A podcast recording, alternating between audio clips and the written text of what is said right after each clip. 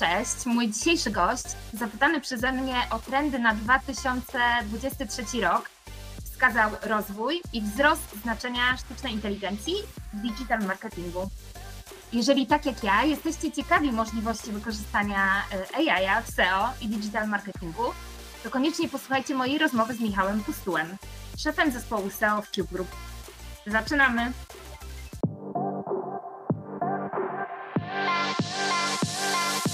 Cześć Michał. Cześć, cześć, witam. Zacznijmy od takiej części bardziej teoretycznej. Czym w ogóle jest sztuczna inteligencja? Czy moglibyśmy powiedzieć, że jest to wyższy level automatyzacji, czy te pojęcia zdecydowanie należy od siebie odróżnić? Ja jak typowy SEOwiec powiem, że to zależy, bo w zasadzie e, możemy powiedzieć, że tak, jest to kolejny poziom automatyzacji, natomiast jednocześnie te pojęcia należy od siebie zdecydowanie odróżnić grubą kreską. Takim, taką główną różnicą jest to, że sztuczna inteligencja jest trenowana do tego, żeby samodzielnie podejmować decyzje. Sztuczna inteligencja obecnie, przynajmniej przy obecnych standardach rozwoju, bazuje na bardzo dużych zestawach danych, e, tak jak obecny chat GPT trójka e, bazuje na e, wielu, wielu miliardach jednostek danych, tak jakby. I na podstawie tego, czego się nauczyła sztuczna inteligencja w domyśle, na podstawie przejrzenia tych wszystkich danych, czyli powiedzmy stron internetowych, tekstów, w zależności od tego, czego chcemy taki model sztucznej inteligencji nauczyć, podejmuje decyzję, jak odpowiedzieć na zadane jej pytania, czy kwestie, które powinna wziąć gdzieś, gdzieś pod, rozwagę. Automatyzacja jest pewnym zestawem działań, który jest y, zaprogramowany przez człowieka do wykonania określonej operacji. W ramach automatyzacji nie ma autonomii podejmowania decyzji, nie ma wyciągania nawet maszynowych, ale wniosków na podstawie tego, co użytkownikowi zaserwować. Możemy sobie zautomatyzować na przykład, takim przykładem najprostszej automatyzacji, którą każdy z nas doświadcza, może być na przykład e, autoresponder w mailu. Programujemy e, maila do tego, żeby pod naszą nieobecność odpowiadał na wszystkie wiadomości przychodzące określoną wiadomością. No i to jest taki najprostszy przykład automatyzacji, no i w zasadzie na mniejszą lub większą skalę automatyzacja działa dokładnie w ten sposób. Mówimy narzędziu, co ma zrobić, jeżeli nastąpią określone warunki. Mówimy, jaką decyzję ma podjąć na podstawie określonych wytycznych. Sztuczna inteligencja nie dostaje informacji, jaką ma podjąć decyzję, sama mają podjąć na podstawie tego, jakie dane przeanalizowała i czego się nauczyła w trakcie przeglądania tych danych. Mi to niedawna sztuczna inteligencja kojarzyła się raczej z filmami science fiction i wizją odległego świata przyszłości, w którym obok ludzi funkcjonują, e, pracują albo nawet nawiązują relacje zaawansowane technologicznie roboty. E, jedna z moich ulubionych bajek z dzieciństwa, nie wiem czy kojarzysz Jetsonów, no stała się E, stała się w zasadzie rzeczywistością. Widziałam nawet ostatnio takiego mema, gdzie, gdzie były te porównania, że Jetsonowie w zasadzie przewidzieli przyszłość. Może nie podróżujemy jeszcze tak futurystycznymi pojazdami e, i nie mieszkamy też w tak kosmicznych domach, no ale w zasadzie nie wyobrażamy sobie życia bez zaawansowanej technologii. No i mam wrażenie, że jesteśmy głodni kolejnych innowacji i rozwiązań. Zagraniczne anglojęzyczne wyszukiwarki już korzystają z tego typu e, rozwiązań, e, no ale też powstało wiele narzędzi dla biznesu, czy po prostu dla rozrywki, które wykorzystują sztuczną inteligencję. E, sama w zeszłym tygodniu stworzyłam w, jednych, w jednym z takich narzędzi swój portret, który rozbawił wszystkich współpracowników, którzy mieli okazję zobaczyć to dzieło. W Polsce widoczna jest już obecność AI. Dla przykładu, sztuczna inteligencja jest wykorzystywana przy części publikacji tekstów, które powstają. Na pewno Twój zespół e, korzysta z tego typu rozwiązań. E, czy powiesz coś więcej o tym, jak wyglądał rozwój AI w ostatnich latach, no i w którym miejscu jesteśmy obecnie? Tak, no, nasz zespół oczywiście, tak jak myślę, bardzo wiele zespołów SEO-owych obecnie testuje możliwości sztucznej inteligencji w ramach tworzenia chociażby treści czy, czy automatyzacji niektórych zadań. E, no jesteśmy na etapie testów, też nie chcemy jakby na tym etapie wchodzić w masową produkcję, bo, bo jednak Google tego odradza, więc różnie w przyszłości może być z takimi treściami tworzonymi automatycznie. Co do samego rozwoju sztucznej inteligencji, no to przede wszystkim te ostatnie dwa w zasadzie lata są taką wisienką na torcie, że tak powiem, tego rozwoju przez ostatnie dwa dziesięciolecia, można powiedzieć, bo takie głośniejsze case'y wykorzystania sztucznej inteligencji w mojej świadomości gdzieś tam zakiełkowały, kiedy um, były pierwsze roboty, że tak powiem, nauczone ogrywania mistrzów szachowych w, w meczach. Potem 10 lat później w zasadzie powstały maszyny, które były w stanie wygrać Wabank, anglojęzyczne Jeopardy, po, po angielsku, jeżeli ktoś chce sobie sprawdzić. No, ostatnio jakby rzucałem informacje o, o tym wygraniu w banku, to w Polsce już jakby te kolejne pokolenia chyba nie kojarzą teleturnieju. Nie, nie myślałem, że jestem stary, dopóki właśnie parę, parę osób nie stwierdziło, że co to jest Wabank. Ale, ale tak, to, to anglojęzyczna wersja, oryginał tego teleturnieju został wygrany przez sztuczną inteligencję około 2010 roku. Mm, to to był też taki głośny case wykorzystania sztucznej inteligencji i tak naprawdę w świadomości takiej społecznej sztuczna inteligencja e, wyszła na wierzch dopiero w zeszłym roku, można powiedzieć, kiedy chat GPT-3 powstał i, i model GPT-3 e, ogólnie zaczął, zaczął, zaczął być mocniej wykorzystywany przez wiele, wiele narzędzi, czy to do tworzenia e, grafiki, czy do tworzenia tekstu. Model sam sobie jest stricte tekstowy, natomiast na jego bazie też powstają e, narzędzia do, do obróbki graficznej, czy serwowania nam przeróżnych rzeczy wykorzystujących AI. I rzeczywiście ten, ten zeszły rok był taki bardzo mocno rozpopularyzowany w tym zakresie. I w świadomości marketingowców ta sztuczna inteligencja zaczęła istnieć w zdecydowanie bardziej intensywny sposób, ponieważ no, ten model przyniósł nam taką małą rewolucję. No, te narzędzia wreszcie weszły na taki poziom, który jest poziomem użytkowym. Faktycznie ta jakość dostarczana przez, przez sztuczną inteligencję, rozumienie tego, czego my od niej chcemy, no weszła na ten poziom wyżej. Te poprzednie interacje, akurat chat GPT, tutaj dwójka, również potrafiły tworzyć treści, natomiast bardzo mocno było widoczne, że tworzy to automat, pewne mechanizmy sztucznej inteligencji, a, nie ludzie. Dzisiaj, szczególnie w języku angielskim, który był takim bazowym językiem, na którym model się uczył, możemy dostać wiele treści, które trudno odróżnić e, od treści pisanych przez człowieka. No oczywiście wprawne oko, które ma doświadczenie ze sztuczną, sztuczną inteligencją, zobaczy e, kilka takich typowych mechanizmów, szyków zdań charakterystycznych dla, dla robota. To chyba będzie takie uproszczenie nazwanie sztucznej inteligencji robotem, no ale, ale cóż, trzymajmy się tego, dla, dla robota w odróżnieniu od człowieka. Natomiast osoby, które nie mają jakiejś wielkiej styczności ze sztuczną inteligencją, czy e, nie, nie są wyczulone na tego typu sygnały, no, mogą mieć problem już z odróżnieniem części tekstów od tekstów pisanych przez człowieka, więc jesteśmy na bardzo wysokim poziomie zaawansowania narzędzi tego typu, plus nadchodzą kolejne narzędzia. Nadchodzi GPT-4, które teoretycznie ma wyjść wiosną tego roku, więc kolejny model. Do tej pory nie wiemy, jaka będzie liczba parametrów, na jakich będzie ten model uczony.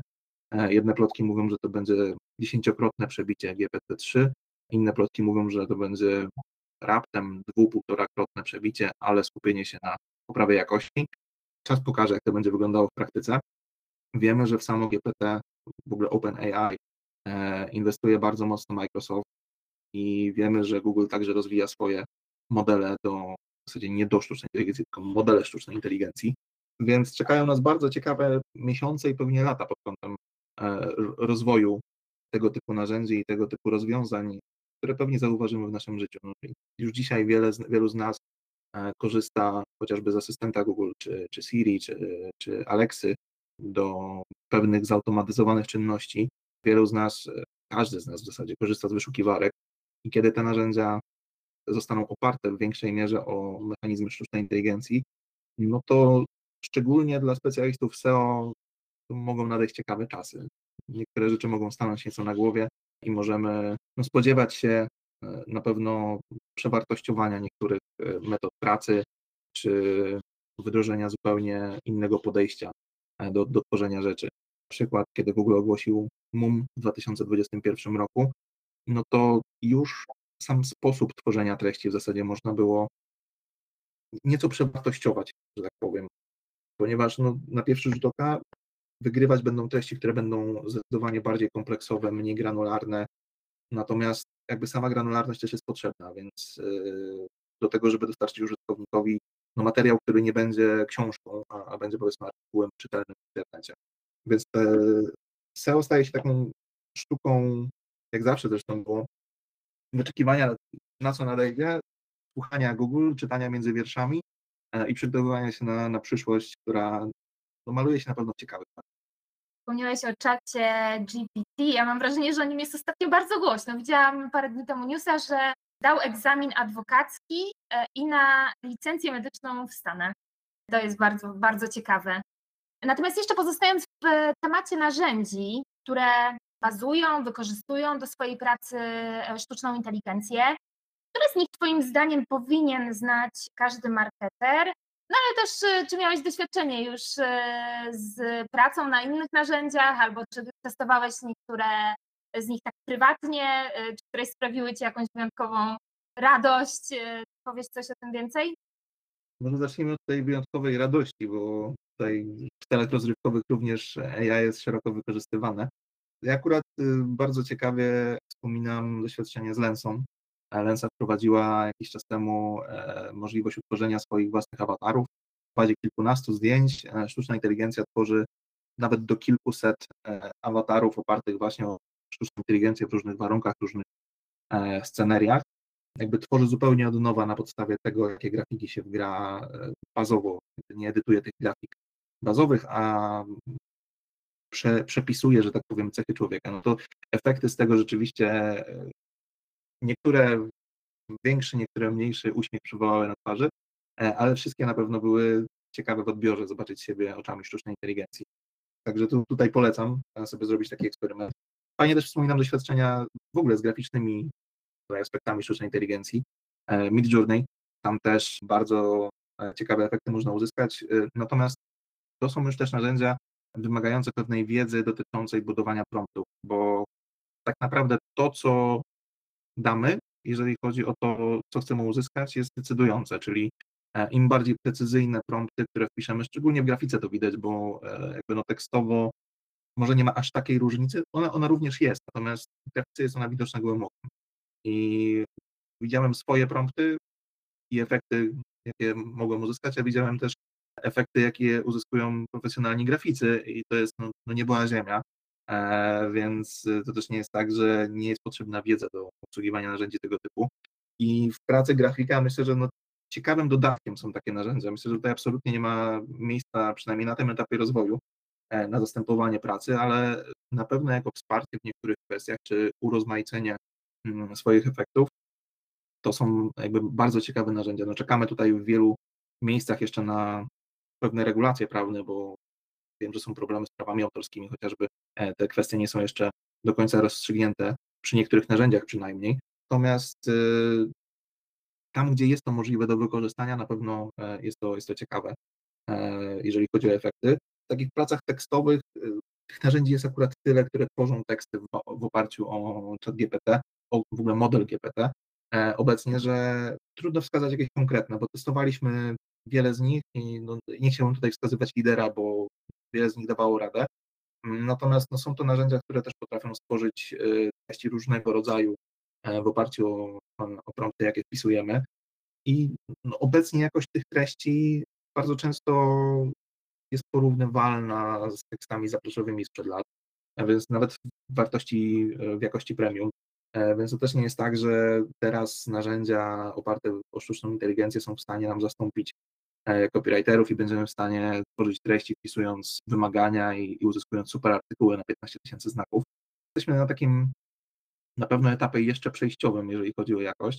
No i myślę, że jeżeli chodzi o SEO, tworzenie treści do internetu, to ten etap przejściowy będzie takim etapem no trochę docelowym. Nigdy tutaj, może nie będę używał słowa nigdy, bo to nigdy nie wiadomo, ale myślę, że w najbliższym czasie, najbliższych latach na pewno sztuczna inteligencja nie będzie taką bazową, bazowym dostarczaczem treści do internetu. E, ze względu na to, że samo Google mówi, że to są nadal w ich mniemaniu treści tworzone automatycznie, które oni piętnują. Narzędzi do wykrywania sztucznej inteligencji w ramach tworzenia treści też jest coraz więcej. One coraz lepiej pracują. Jedynym tutaj problemem może być to, że sztuczna inteligencja również się rozwija i, i powstają kolejne modele, które są uczone coraz szersze, nowsze, lepsze sposoby. E, więc y, pytanie, czy tutaj narzędzia jakby identyfikujące tego typu treści nadążą za rozwojem mechanizmów AI. No, z drugiej strony Google jest jednym z największych inwestorów w tego typu e, technologie oparte o sztucznej inteligencji. E, sam tworzy też model Pathways, który prawdopodobnie niebawem będzie miał premierę. Nie jest chyba zapowiedziana z tego co pamiętam, ale zapowiada się ciekawie. Mm, więc też ma te zasoby do tego, żeby takie rzeczy wykrywać e, i, i bardzo prawdopodobne, że w swoich algorytmach również tego typu że tak powiem, wykrywacze mogą się znaleźć. Jak to będzie wyglądało w praktyce? No, no jeszcze za wcześnie na, na oceny. Jedni mówią, że treści w oparciu o sztuczną inteligencję działają i rankują, jest super. Inni mówią, że tylko czekamy na, na kary, jakie przyjdą e, do, do tego typu e, kontentu. No czas pokaże. Ja tutaj jestem na tym etapie jeszcze chyba trochę zachowawczy, jeżeli chodzi o tworzenie tego typu treści, bo no nie robimy tego mm, na jakąś tam dużą skalę, raczej testujemy to w warunkach klinicznych, że tak powiem. Natomiast y, poza tekstowymi, no, które mnie tutaj najbardziej z punktu widzenia SEO najbardziej interesują, no warto zainteresować się też narzędziami do tworzenia wideo, obróbki dźwięku. NVIDIA, Adobe zaczynają oferować tutaj e, swoje wsparcie w tym zakresie przy podcastach, przy nagrywaniu wideo, przy tłumieniu szumów, przy ruchu ust chociażby, czy, czy gałek pocznych. To wszystko da się już skorygować na poziomie sztucznej inteligencji. Narzędzia mogą dostać e, od nas wideo i sprawić, że na wideo będziemy patrzyli w inną stronę, uśmiechali się zamiast marszczyć brwi, a w tle nie będzie słychać jadącego pociągu, więc e, no, no jest to imponujące. No w dobie streamerów, w dobie królowania treści wideo w social mediach, czy, e, czy tak naprawdę w innych kanałach, w zasadzie social media są taką główną tutaj fazą odbiorczą, jeżeli chodzi o, o treści w internecie obecnie. W dobie królowania treści wideo, narzędzia, które są w stanie wynieść to wideo na, na poziom wyżej, e, też na pewno będą bardzo popularne i warto się nimi za, zainteresować. No oczywiście są jakieś drobniejsze, bardziej precyzyjne zastosowania tego typu technologii, chociażby automatyzacja pracy, sprawdzanie niektórych rzeczy i, i takie mniejsze zadania, których można wykorzystać niestandardowo technologie sztucznej inteligencji e, istnieją, natomiast e, no, są to już rzeczy, które wymagają większej kreatywności, a nie po prostu wykorzystania dostępnych narzędzi. Powiedziałeś, że mm, sztuczna inteligencja może raczej wesprzeć pracę copywriterów niż ją zastąpić. No ale z drugiej strony ja przeczytałam ostatni artykuł, że Microsoft zapowiada e, redukcję i planuje inwestycje w sztuczną inteligencję i wspomniany już wcześniej chat GPT miałby być zintegrowany między innymi z pocztą elektroniczną albo arkuszami kalkulacyjnymi. Czy jesteś zdania, że póki co nie mamy się czego obawiać i praca ludzka nie zostanie zastąpiona robotami? Trudno powiedzieć. No, na mniejszą skalę, czyli tak jak my pracujemy w agencji, to myślę, że obecnie raczej może być pewne przewartościowanie kompetencji. Dodatkową kompetencją może być teraz obsługa narzędzi opartych o sztuczną inteligencję.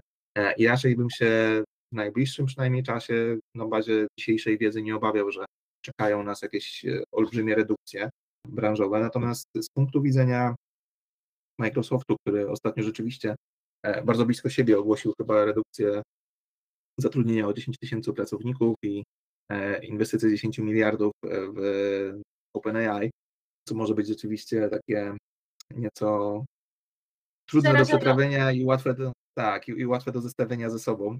Natomiast y, czy to jest bezpośrednio powiązane? No trudno powiedzieć. Być może część tych zasobów, które jakby Microsoft zwalnia, rzeczywiście idzie na rozwój sztucznej inteligencji. Natomiast pamiętajmy też, że żyjemy w dobie pewnej no, wyższej niż zwykle inflacji, Y, i pewnego kryzysu gospodarczego, który się z tym wiąże, więc te, te redukcje mogą być również wynikiem gdzieś tam kilkumiesięcznego planowania, że tak powiem, restrukturyzacji pracy, optymalizacji. Natomiast no, podejrzewam, że w pewnym stopniu jest to powiązane. Czy sztuczna inteligencja zastąpi e, niektórych pracowników? Być może tych pracowników niższego szczebla. Dużo rzeczy da się e, na tym poziomie optymalizować, natomiast wiedza ludzka, kreatywność, e, wykorzystanie w praktyce których mechanizmów no obecnie nadal jest niezwykle ważna, no szczególnie w trudnych tematach, że tak powiem, trudnych zadaniach. Tam to doświadczenie eksperckie wnosi bardzo dużo, e, więc myślę, że eksperci nabiorą na wartości, mm, a stanowiska juniorskie staną się no, ciut trudniej dostępne. Będzie ich mniej na rynku ze względu na pewną możliwość wykorzystania automatyzacji i sztucznej inteligencji w coraz szerszym zakresie e, prostych zadań. E, więc no, część juniorów może po prostu nie być potrzebna. No ale na razie jesteśmy na takim poziomie zgadywania tak naprawdę, bo tak jak powiedziałem, jest obecnie iteracja GPT 3,5, 4 za rogiem, Google ma swój model, zobaczymy, co przyniosą jeszcze kolejne lata. Tak naprawdę za 5 lat to może wyglądać zupełnie inaczej. i ten rynek się też zrestrukturyzuje. Z drugiej strony mogą powstawać nowe stanowiska pracy związane z rozwojem tego typu narzędzi, związane z rozwojem tego typu modeli i jakby narzędzi, które wykorzystują te modele, więc no, rynek pracy myślę, że nie czeka próżnia. Być może część pracowników będzie musiała się przekwalifikować, natomiast którzy są związani z technologiami, myślę, że nadal znajdą pracę w trochę innym wymiarze. Może nie wszyscy, ale część na pewno znajdzie gdzieś tam e, zatrudnienie również w zwalniając jedno stanowisko, znajdą zatrudnienie w miejscach, które będą e, realizowały nowe tematy powiązane chociażby właśnie ze sztuczną inteligencją. Także w szerszej perspektywie pewnie pewne redukcje mogą się zadziać w takiej wąskiej naszej branżowej. Na dzisiaj nie widzę jakichś wielkich powodów do obaw przy, przy obecnej jakości tego typu narzędzi. Co będzie? Zobaczymy za, za pół roku. To jest tak dynamicznie zmieniająca się branża, że za pół roku mogę zmienić zdanie. W związku z głośną premierą GPT-4, która miała miejsce 14 marca, postanowiliśmy wraz z Michałem dograć dla Was specjalny bonus, aby dostarczyć Wam jak najświeższych informacji o tym najważniejszym i najpopularniejszym modelu sztucznej inteligencji. Michał, czym jest GPT-4 i co przynosi w porównaniu do swoich poprzedników? GPT-4 jest kolejną iteracją modelu sztucznej inteligencji opracowanej przez OpenAI. E, to jest tak zwany model, e, duży model językowy, e, będąc precyzyjnym. Przynosi kilka zmian usprawniających to, co już do tej pory znaliśmy i wnosi parę nowych rzeczy. Niektórzy mówią, że to będzie rewolucja, natomiast zobaczmy, jak to będzie wyglądało w praktyce. Temat jest dosyć, dosyć świeży. Taką listą najważniejszych zmian będzie między innymi wzrost rzetelności modelu, tego, co podaje, e, jaka jest wartość merytoryczna tych materiałów, które dostajemy w odpowiedzi na prompty, które wpisujemy. Badania syntetyczne OpenAI pokazały, że nawet 40% więcej e, zapytań e, nie posiada błędów merytorycznych, nie posiada tak zwanego zmyślania przez model sztucznej inteligencji, co no nadal się jednak zdarza, bo nie, nie pracujemy na narzędziu niezawodnym, natomiast ta zawodność e, się zmniejszyła dzięki tej nowej iteracji.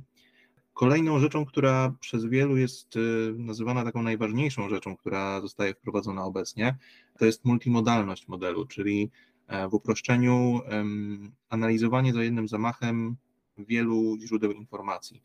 Takim najprostszym przykładem będzie dodanie do modelu grafiki i zapytanie jej, co się zaraz wydarzy na tej grafice, na przykład kiedy ktoś biegnie i zamierza kopnąć piłkę. ChatGPT na takie pytanie obecnie w wersji czwartej powinien nam móc odpowiedzieć, piłka wpadnie do bramki, e, bądź e, piłka potoczy się dalej, albo ktoś się potknie, zinterpretuje obraz i powie nam, co na tym obrazie jest. W teorii brzmi to jak fajny feature i, i coś, czym można się bawić. W praktyce dla nas, dla branży marketingowej, um, może to oznaczać e, kilka naprawdę ciekawych uproszczeń czy, czy przyspieszeń samej pracy. Wyobraźmy sobie na przykład, że chcemy zakodować makietę strony internetowej. Już na wersji demo, na pokazie OpenAI, specjaliści z OpenAI pokazywali, e, że można na tym etapie rozpisać stronę internetową, tak jakbyśmy chcieli, żeby ona wyglądała i nawet po analizie rysunku model jest obecnie w stanie wygenerować kod HTML i CSS, który sprawi, że nasza strona zadziała. Także na większą skalę będzie to na pewno bardzo ciekawa rzecz do przetestowania, na, na ile to będzie w stanie nam uprościć pracę, czy stać się częścią chociażby naszej pracy bieżącej. Kolejnym takim elementem jest e, zwiększenie rozumienia i interpretacji e, języków.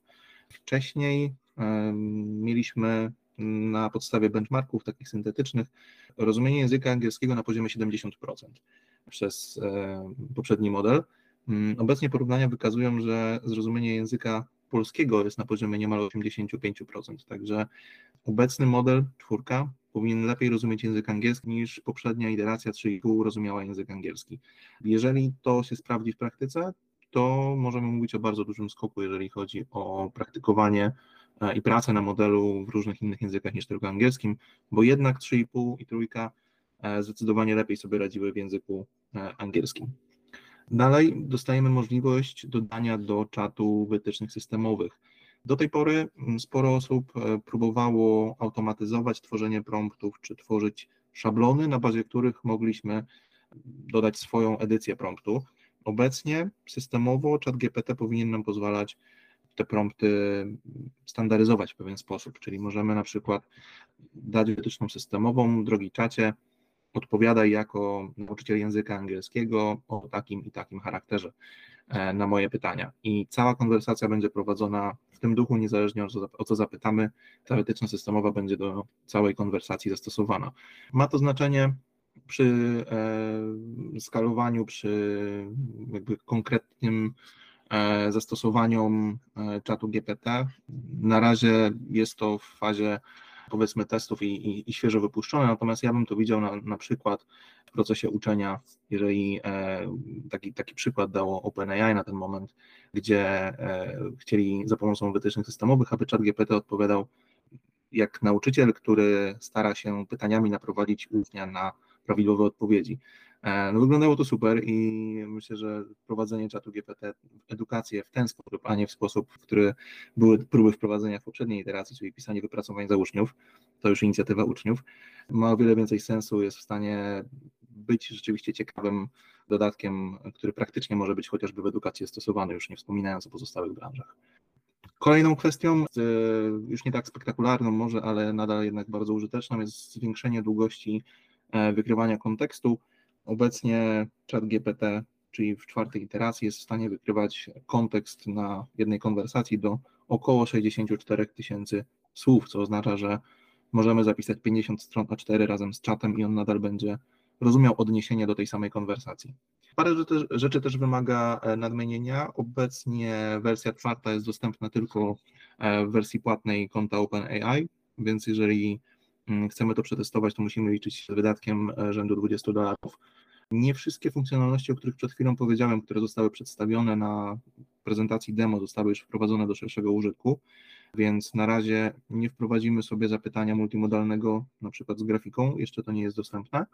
Nie jest dostępne także jeszcze do szerokiego dostępu API e, czatu GPT, na razie tylko w wersji 3.5 jest możliwość wykorzystania tego API szeroko, e, istnieje obecnie kolejka do udostępniania tej nowej wersji. No i nie podano liczby parametrów modelu. Było dużo spekulacji, że ten model będzie kilkukrotnie, kilkunastokrotnie większy, jeżeli chodzi o liczbę parametrów w porównaniu z poprzednikami, natomiast tutaj nie dostaliśmy żadnej informacji wprost, ile tych parametrów jest. E, jedni twierdzą, że jest ich rzeczywiście kilkukrotnie więcej, inni natomiast twierdzą, że jest ich tyle samo, a usprawnione zostały same procesy. Wiele się mówi o tym, że zwiększenie liczby parametrów i skalowanie tego w nieskończoność no niestety będzie chociażby negatywne w skutkach dla środowiska, bo moc obliczeniowa e, w takim przypadku rośnie, moc analiz, więc e, no myślę, że twórcy również poszli tutaj w raczej skalowanie w inny sposób niż zwiększaniem ilości, e, ilości parametrów. No i to było tyle, jeżeli chodzi o nowości. Ja czekam z niecierpliwością na szerszy dostęp tych wszystkich nowych funkcjonalności, no przede wszystkim API, bo jednak prawdziwy potencjał takich narzędzi tkwi w skalowaniu i w naszej, w naszej branży w szczególności myślę, że będziemy mogli takie narzędzie testować i, i pewnie wykorzystać w pewnym stopniu. Michał, bardzo dziękuję za rozmowę. Sztuczna inteligencja to gorący temat, który zdecydowanie warto śledzić, e, a wszystko wskazuje na to, że czeka nas jeszcze więcej innowacji i zaskoczeń w tym roku.